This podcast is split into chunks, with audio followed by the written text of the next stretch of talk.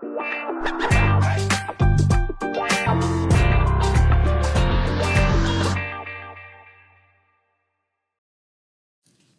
bij weer een nieuwe aflevering van de Anders Denken podcast. En ik heb vandaag wederom een erg leuke gast. Uh, Damian Denies. Welkom. Ja, dankjewel. Goedenavond. Um, voor de mensen die jou niet kennen, zou jij jezelf kort willen voorstellen?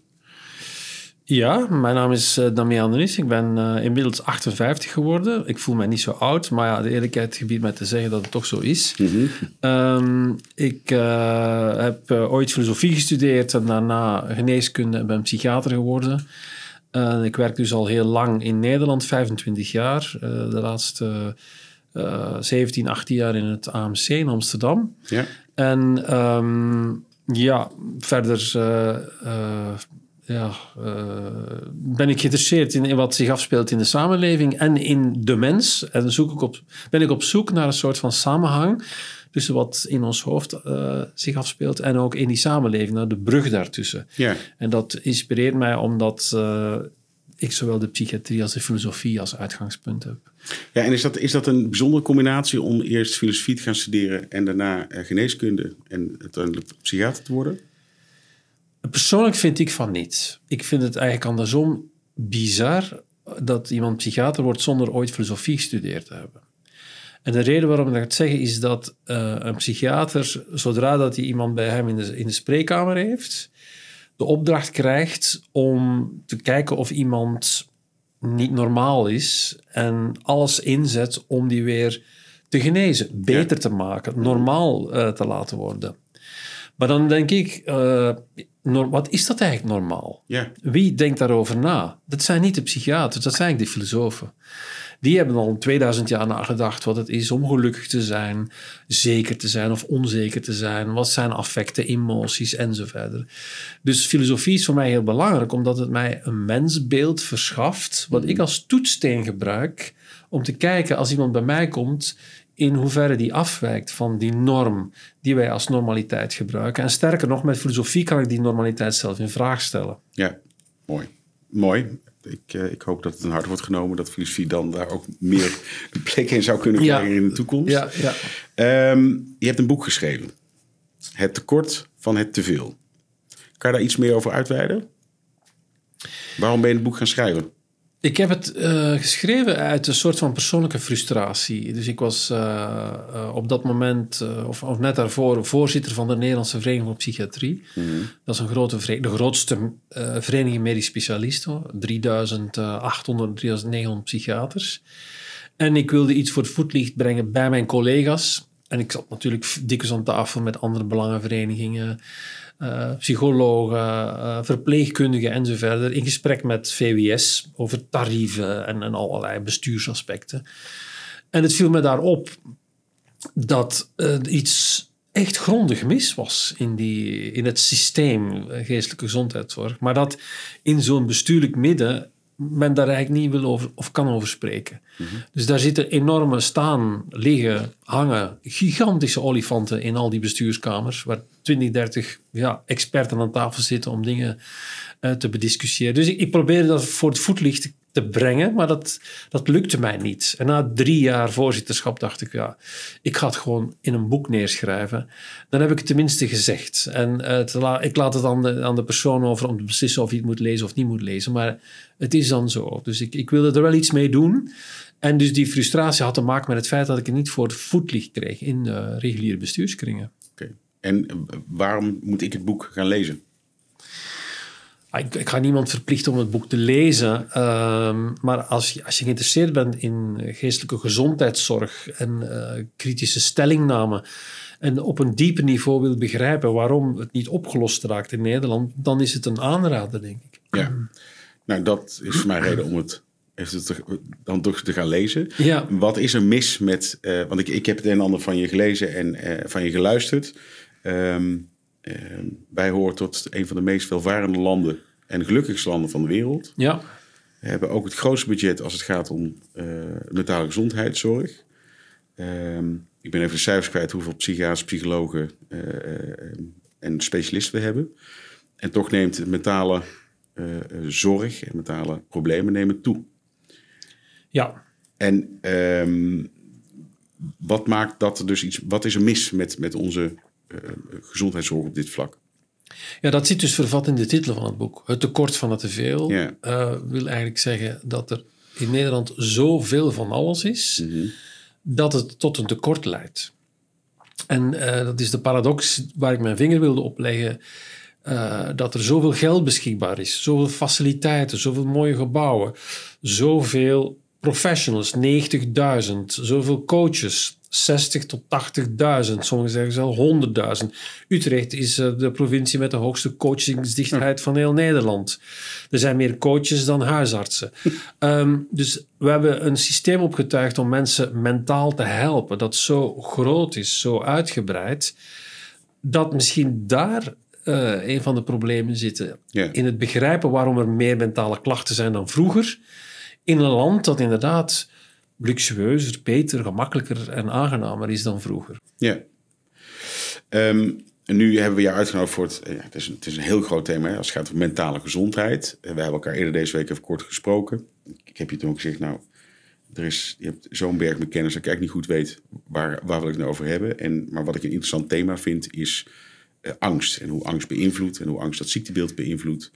Uh, ik heb een aantal heel interessante dingen gehoord Ehm, waarin andere, of in een lezing of in een podcast, wat dingen vertelt over ehm, ehm, de weerbaarheid van mensen. Uh, dus ik zou het graag dat thema wat verder willen mhm. uitdiepen. Ja. een beetje open, uh, schot voor open doel, maar even een stelling. Uh, zijn wij op dit moment gelukkiger of angstiger dan ooit? Ik, ik zou wel beide. En het, is vreemd dat dat dus samengaat. Dat is dus een deel van die paradox. Ja. Als je kijkt naar de uh, World Happiness Index, hè, dan zie je dat Nederland op de vijfde plek staat. Een lijst van 158 landen. De laatste tien jaar staat Nederland altijd op de vijfde plek. We geraken niet hoger, maar ook niet lager. Mhm. Finland staat uh, vaak op de eerste plek en dan zijn er een paar andere Scandinavische landen. Dus als je het aan een Nederlander vraagt, dan zegt hij van zichzelf, 96% van de bevolking zegt, ik voel mij gelukkig. Ja. Maar als je andere cijfers erbij haalt, cijfers van het Trimbos Instituut hier in Utrecht, die elke twaalf jaar heel nauwgezet aan de hand van een langdurig interview van minstens anderhalf uur uh, kijken naar criteria voor psychische stoornissen, ik zeg niet problemen, mhm. stoornissen, dan zie je dat 17% van de bevolking, dat is dus uh, bijna 1 op 5, last heeft van angststoornissen. En dan heb ik daar nog niet eens bij vermeld de mensen die last hebben van angstproblemen, angst in de algemene zin. Dus de, de bizarre situatie is dat mensen zich enerzijds heel gelukkig achten en voelen, maar aan de andere kant ook heel angstig zijn en dat zo ook ervaren. En heb jij een, een hypothese waar dat door ontstaat? Dus dat het, waar die paradox vandaan komt? Ja, ja, dat heb ik een idee. Ja, dat is een, uh, een, een, uitgebreide vraag waar een heel uitgebreid antwoord kan op volgen. Kijk, specifiek angst kan ik denk ik terugbrengen door het gegeven dat uh, we op een andere manier naar angst moeten kijken. Wij koppelen angst aan de emotie, die, de negatieve emotie die opkomt wanneer we ons onveilig voelen. Wanneer er gevaar dreigt, dat is deels inderdaad helemaal juist. Maar wat wij soms vergeten is dat ons angstgevoel niet alleen gekoppeld is aan de observatie of de ervaring wat we in de werkelijkheid meemaken, maar veel meer aan de verwachting die we in ons hoofd hebben opgebouwd over die werkelijkheid. Met andere woorden, het gevoel van angst is, uh, staat in verhouding of is proportioneel met ons verlangen naar controle. Als je naar heel veel controle verlangt, als je ervan uitgaat dat ik de wereld moet bepalen, dat die maakbaar is, dat ik kan zeggen wat ik wil, dat ik ook kan bepalen hoe lang ik leef, hoe ik leef en hoe de veiligheid eruit ziet. En ik ga ervan uit dat dat allemaal moet kunnen, dan is datgene wat daar niet mee strookt al heel snel een element wat ons bang maakt. Ja. Um, oei, het is oorlog in Oekraïne. Dat was ik niet voorzien. Oh, de gasprijzen stijgen. Dat is vervelend. Het klimaat stijgt. Misschien komen er en zo verder. Dus de hele wereld is doorspekt van allerlei elementen die niet in mijn verwachtingspatroon zitten. Dat nog altijd gebaseerd is op een wereld die ik kan voorspellen. Ja. En dat maakt mensen angstig. En waarom zeg je dat? Omdat nou, een paar generaties geleden mensen heel gewoon waren om te leven in een wereld die onvoorspelbaar was. Dat ze veel minder behoefte hadden aan controle en ook veel minder gewoon waren om te leven in een controleerbare wereld. Ja. Dus het leven in een ongecontroleerde wereld geeft, schept mensen meer weerbaarheid, meer uh, omgang, meer capaciteiten om met angst om te gaan. Die snap ik. Maar als je dan praat over drie, vier generaties terug of honderd jaar terug, de behoefte van controle is toch altijd bij mensen aanwezig? Ja, ik denk dat het een menselijke eigenschap is om in controle te willen zijn, maar dat mhm. mensen zich vroeger um, ervan vergewisten dat zij niet in controle waren. Omdat men, dat is de ervaring die je had. De kindersterfte was hoog. De gemiddelde levensverwachting in de 19e eeuw was 40, 50 jaar. Ja. Uh, je had religie nodig om structuur te brengen in je wereld. Er was nauwelijks informatie of alleen uh, gereserveerd voor een heel kleine populatie mensen. Dus de wereld waarin mensen leefden was van een totaal andere orde. En uh, de kans dat je doodging aan een ziekte, dat je neer werd gestoken door um, een, weet ik veel, een dief, of dat er iets overkwam, of, of dat er oorlog, dat, dat was schering en inslag. Dus mensen leefden in een onvoorspelbare omgeving. En ja, dat, dat was gewoon... De realiteit. De realiteit. Maar, maar wij zijn gewoon dat er elektriciteit uit de muur komt, water uit de kraan, dat ik straks weet uh, dat het code geel zal zijn, uh, ik ben, wij zijn gewoon aan een complete voorspelbaarheid van het leven. Als ik straks naar een restaurant ga, dan verwacht ik ook dat ik weet dat het menu overeenstemt met wat ik op internet heb gelezen. Dat die sterretjes exact zo zijn zoals ik denk dat ze moeten zijn. Dus wij hebben een complete voorspelling van de werkelijkheid op basis van onze technologische kennis. En als dat afwijkt, dan worden we heel snel bang. Oh ja. Maar weten we dan nog wat de werkelijkheid is? Dat is de vraag. Veel mensen leven niet meer in de werkelijkheid. Dus het is zo absurd geworden dat wij moeilijkheden hebben met de werkelijkheid. Een paar mooie voorbeelden. Um, er was een mevrouw, dat is een, een, een, verhaal dat ik las in de krant van twee jaar geleden. Die ging naar Walibi.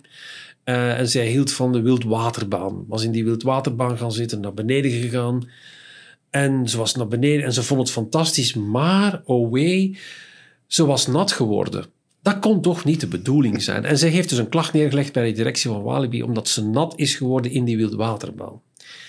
Het is een idioot voorbeeld, maar het illustreert dat mensen eigenlijk geen idee meer hebben hoe de werkelijkheid werkt. Dat als je buiten komt, dat het kan regenen en nat kan worden. Dat de zeeleeuw kan loeien in Artis ook s'nachts. Uh, en dat dat vervelend is als je daar in de buurt woont. Uh, dat je ouder wordt, inderdaad. Uh, er is een Nederlander die wil zijn leeftijd veranderen omdat hij zich 40 voelt, terwijl dat hij 75 is. Dus het niet meer accepteren van je leeftijd, niet meer accepteren van je geslacht, het niks meer accepteren van de ander. Dat zijn tekenen die laten zien dat onze perceptie van de wereld inderdaad veranderd is. En dat we het moeilijker hebben om de werkelijkheid te accepteren zoals die is en zonder dat ik die bepaal. En dat hangt het dan ook samen met het stukje angst? Dat, dat, het angst van het niet maakbaar maken? Uh, angst ja, absoluut. Dus als er coronavirus komt, dan breekt paniek uit. Terwijl elke generatie uh, meerdere pandemieën heeft gekend. Ja. Waar honderden, duizenden, tienduizenden, miljoenen mensen stierven. Ja. Dat is eigen aan de mensheid. Er is, er is gewoon een deel dat sterft. Ja. Maar wij hebben de indruk dat wij zo belangrijk zijn geworden en zoveel technologie en overmacht hebben dat als een coronavirus komt, dat niemand mag doodgaan.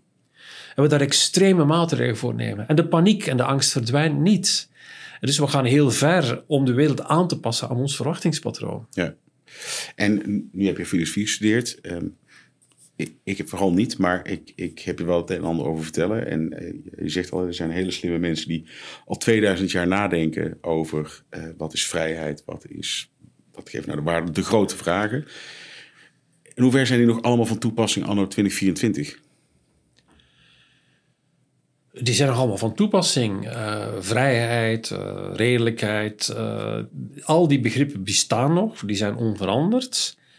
Maar wij hebben natuurlijk door het feit dat wij in een bepaalde samenleving leven, in een heel klein tijdperk. Hè. Onze levensduur is uh, nu wel 80 jaar.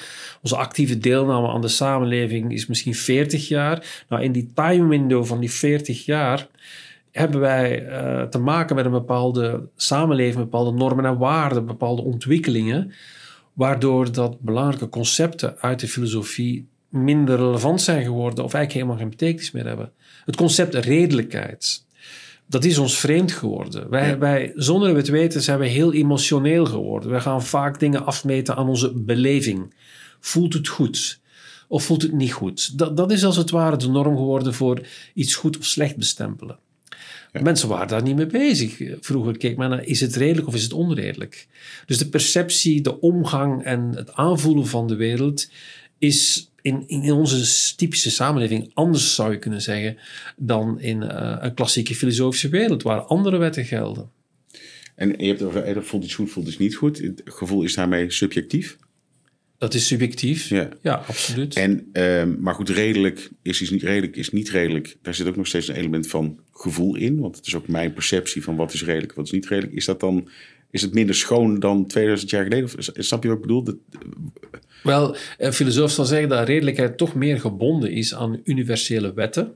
Namelijk de logica, de wiskunde, de wetten van het verstand. En derhalve is redelijkheid universeler dan een emotionele beleving. En dat is de reden waarom dat wij dat zo moeilijk vinden. Als je een redelijk standpunt inneemt, wat er dan gebeurt, is dat je deelneemt aan een collectief, omdat je een universeel standpunt inneemt. De kans is groot dat iemand in Indië, uh, Kuala Lumpur, Australië, met dezelfde vorm van redelijkheid tot dezelfde conclusie komt. Ook al heeft hij een totale andere achtergrond, andere kleur, ander geslacht, andere cultuur. Als je uitgaat van de emotie, die heel individu-specifiek is, gebonden aan je achtergrond, cultuur, dan zie je veel meer verscheidenheid. Ja. En je ziet dus dat onze maatschappij worstelt met die diversiteit, met die verscheidenheid, omdat wij zo de klemtoon leggen op onze individuele emotionaliteit, onze individuele beleving. Zo, dat is een hoop. Waar we... het is, ja, je had het ook mij gevraagd om ja, te zeker, Dat, ja, ja ik, ik, ik, ik, maar, ik wil graag alles weten, maar dat gaat niet lukken in, eh, in één podcast, ben ik bang. Is de weerbaarheid van mensen minder geworden doordat ze moeite hebben met de, de, de, de werkelijkheid. Ik heb je ergens horen vertellen over dat, dat mensen ook niet meer dat lijden willen ervaren. Dat, dat gevoel van ja, angst, lijden. Is de weerbaarheid minder van de, van de huidige maatschappij? Ja, dat is een uitstekende vraag, maar lastig te beantwoorden, omdat er zijn geen weerbaarheidsonderzoeken waar we het verschil kunnen maken. Dus dat, dat is lastig om, om heel hard te zeggen, ja, vroeger waren mensen weerbaarder en nu niet. We hebben te maken met andere uitdagingen. Ik denk dat de wereld wel veel complexer is geworden. Het tempo waarbij informatie op ons afkomt, de hoeveelheid informatie, de omvang van de wereld. Mijn grootmoeder die leefde inderdaad in een stad, in een dorp. En die, ging wel eens, uh, die reisde wel door het land en die ging wel eens op vakantie. Maar de, de wereld waar zij in leefde was veel kleiner, veel overzichtelijker. Dat ging zo traag dat het veel makkelijker was. En wij hebben een wereld gecreëerd, doelbewust, met een ongelooflijk tempo. Heel veel uitdagingen, heel veel informatie, heel veel impulsen. Ja. En ik denk, als je daarnaar kijkt, dan snap ik ook wel waarom mensen minder weerbaar zijn. De context waarin wij leven is veel, veel moeilijker voor het brein, voor onze mind, dan dat dat honderden jaren geleden was. Toen had men af te rekenen met andere dingen. Maar nu uh, is het zo dat wij in een moeilijke wereld leven. En dat op zich ben ik voorzichtig om te zeggen dat we minder weerbaar zijn. Mhm.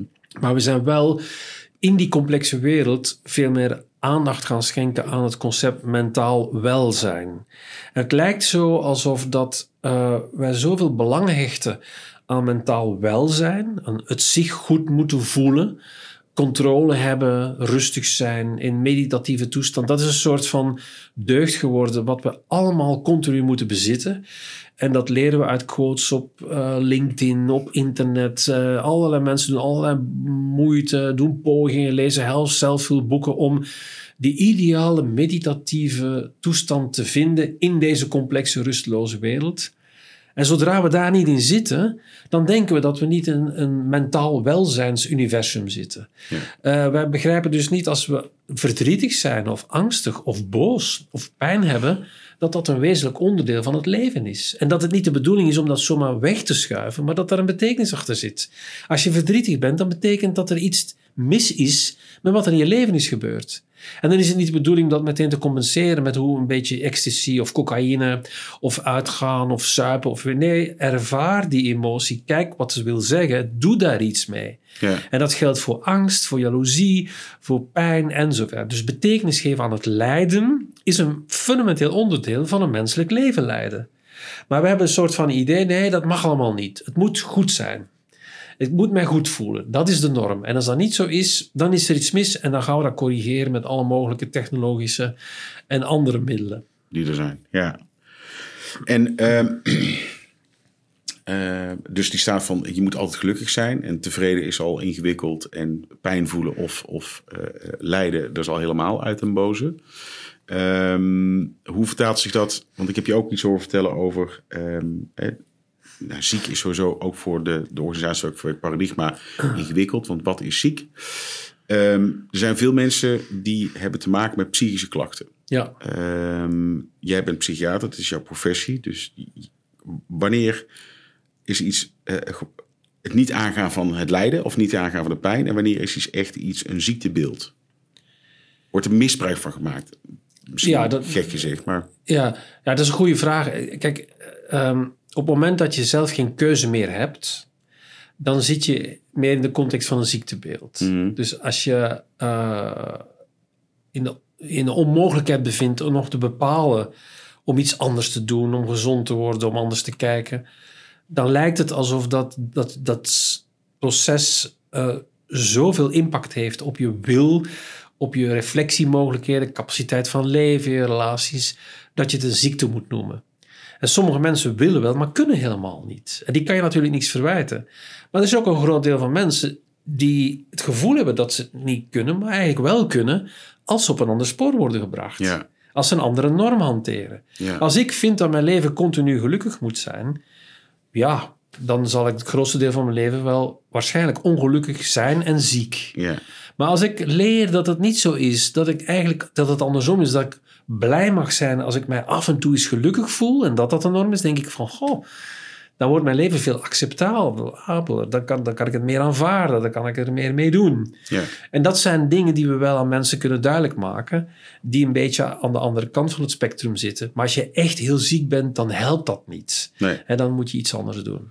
En eh, krijg, waar wordt de meeste tijd aan aandacht aan besteed? Aan de mensen die echt dat ziektebeeld hebben en die dus meer acute hulp nodig hebben? Of die hele grote groep die het echte leven vermijdt en daarmee zegt: Ik ben depressief, maar eigenlijk gewoon niet de keuze zelf maakt. Ja, nou, je ziet als je naar de, de, de, studies kijkt dat het percentage aan mensen met de echte klassieke ernstige psychische ziektebeelden, dat dat redelijk constant blijft. Mm Dat is 2 tot 3 procent van de bevolking. En het interessante daarvan is dat dat oh, in tijd constant blijft. Dus als je kijkt naar metingen over 30 jaar, is het aantal mensen met ernstige depressies, bipolaire stoornissen, schizofrenie, dwang, is hetzelfde. En ook dwars over culturen. Dat is een zeker constante. Dus je zou kunnen zeggen, als je naar de mensheid kijkt, dan mag je ervan uitgaan dat 2 tot 3 procent psychisch ziek zal geboren worden of dat zal ontwikkelen en zal blijven. En daar moet je voor zorgen. Dan is er een grote groep van mensen die weliswaar klachten hebben en die, hebben, die lijden. Hè. Pas op, ik ontken het lijden niet. Mhm. De vraag is, op welk punt, dat was ook jouw vraag, moet je aan dat lijden het predicaat ziekte toekennen? Ja. En ziekte wordt vaak gebruikt en misbruikt. Het wordt misbruikt omdat het in een samenleving waar je niet mag lijden, het lijden legitimeert. Dus om het eenvoudig te zeggen, als ik naar mijn baas ga, ik zeg ja, weet je, ik voel mij verdrietig. Intens verdrietig. Ik weet niet van waar het komt. Ik heb een melancholisch gevoel. En ik zou eigenlijk graag een week thuis willen blijven. Want ik Mm. kan zo niet werken. Ik moet werken met psychisch zieke patiënten. En ik voel mezelf verdrietig. Mag ik een week thuis blijven? Ja, dan gaat die baas zeggen, ja, weet je, verdrietig. Dus ik ga naar huis. Ik mag waarschijnlijk niet thuis blijven. Ik keer terug en ga naar de huisarts. En ik zeg, ja, ik eet niet goed. Ik slaap niet goed. Ik, ik denk een depressie. Nou, dan maken we daar een depressieve stoornis van. En dan mag ik drie maanden thuis blijven. Dus in, in, in onze samenleving wordt ziekte gebruikt om het lijden te rechtvaardigen dat niet meer geleden mag worden. Ja. Ik mag niet meer op basis van natuurlijke rouw, natuurlijk verdriet. Wa- waarom kunnen we ook eens een keer niet zeggen van, weet je, ik heb er genoeg van. Ik heb verdorie tien jaar gewerkt. Ik zit, dit, zit tot hier. Ik wil eens een maand rust. Daar krijg je, daar krijg je geen verlof voor. Nee. Als dat zou geaccepteerd worden, dat er ook binnen de normaliteit, dat je daar uit de boot kan vallen, moe bent, uitgeput, en dat je daarom niet ziek bent, maar gewoon niet meer optimaal kan functioneren. En als daar tijd en ruimte voor gemaakt kan worden, zullen veel minder mensen ziek zijn. Ja. Ja. Maar dan houdt eigenlijk het groeiende budget wat we vrijmaken, het, houdt het, het een houdt het andere in stand, krijg dan een beetje het idee. Nou, wat je nu doet, is mensen die niet ziek zijn, ziek maken om ze te legitimeerd budget toe te kennen en te behandelen. Maar dan dragen ze wel het ziektekachet. Ja. En dat is volgens mij bij een aantal mensen niet nodig. Ja. Legio zijn degenen die ik ken in, in mijn organisatie die niet ziek zijn, maar wel lijden om, op basis van arbeidsconflicten Mhm. die niet opgelost raken. Ja. Maar dat dan een ziekte wordt verzonnen om eigenlijk ze thuis te laten blijven en uit te rusten. Ja. Dus we weten dat allemaal, dat, dat de ziekte, zeker psychische ziekte, vaak gebruikt wordt, misbruikt wordt, om mensen de gelegenheid te geven om krachten te komen. Maar de mensen in, in kwestie vinden het wel legitiem, want die is bijna dus soort blij met het feit dat ze die uh, depressiviteit... Ja, omdat dat dus bevestigt dat er iets aan de hand is. Ja. Maar mijn standpunt zou zijn, bevestigt dat er iets aan de hand is binnen de normaliteit. Ja. Zonder dat het een ziekte is. Ja, mooi hoor. Nou, we moeten een beetje gaan afronden, Damien, want ik ben bang dat het anders uh, uh, een hele lange sessie... Ik zou hier nog een uur, ja. minimaal een uur over door willen praten. Um, maar als je kijkt naar um, um, BV Nederland en hoe wij omgaan met ziekte... en de organisatie uh, waar ik voor werk probeert juist precies te doen wat jij zegt. Dus dat je kijkt ja. naar een complete paardje en daar niet meteen een sticker op plakt. Wat zou jij, nou, of de medewerker, dan wel de werkgever willen meegeven... Als je, waar we nu staan met hetgeen wat je nu hebt gedeeld? Waar zouden ze aan kunnen gaan werken? Um, wel, wat, wat ik suggereer, dat is het afstappen van een systeem dat om um, te legitimeren dat je buiten het werkproces valt, dat daar een ziekte voor nodig is. Hmm. Dus accepteer dat het een menselijk leven lijden behelst. En dat dat lijden soms zo ver gaat dat mensen inderdaad niet 100% kunnen functioneren. Dus maak meer gebruik van een flexibel systeem waar je tegen iemand zegt: Ik zie dat je een probleem hebt. Ja. Ik weet niet wat het is. Het is waarschijnlijk een persoonlijk probleem. Ik zie dat je eronder lijdt. Ik zie ook dat je niet perfect kan werken. Misschien op 80%. Ja. Wel, daar kan je een gesprek over aangaan. En ik moet iemand niet ziek melden en iemand radicaal uit het proces halen. Behoud die persoon in het arbeidsproces, maar geef die wel ruimte, Ruimte. om dus partieel uh, te functioneren. Ja. En dan ga je misschien in het kader van preventie uh, iemand wat langer in het arbeidsproces houden um, en iemand iets gunnen zonder dat je daarvoor iets extern nodig hebt. Ja. Dankjewel. Ja, graag gedaan. Reus interessant. En uh, ja, ik hoop dat er een moment komt dat ik hier nog eens een keer met je over door kan praten. Ja. Dankjewel. Ja, graag gedaan. Dankjewel.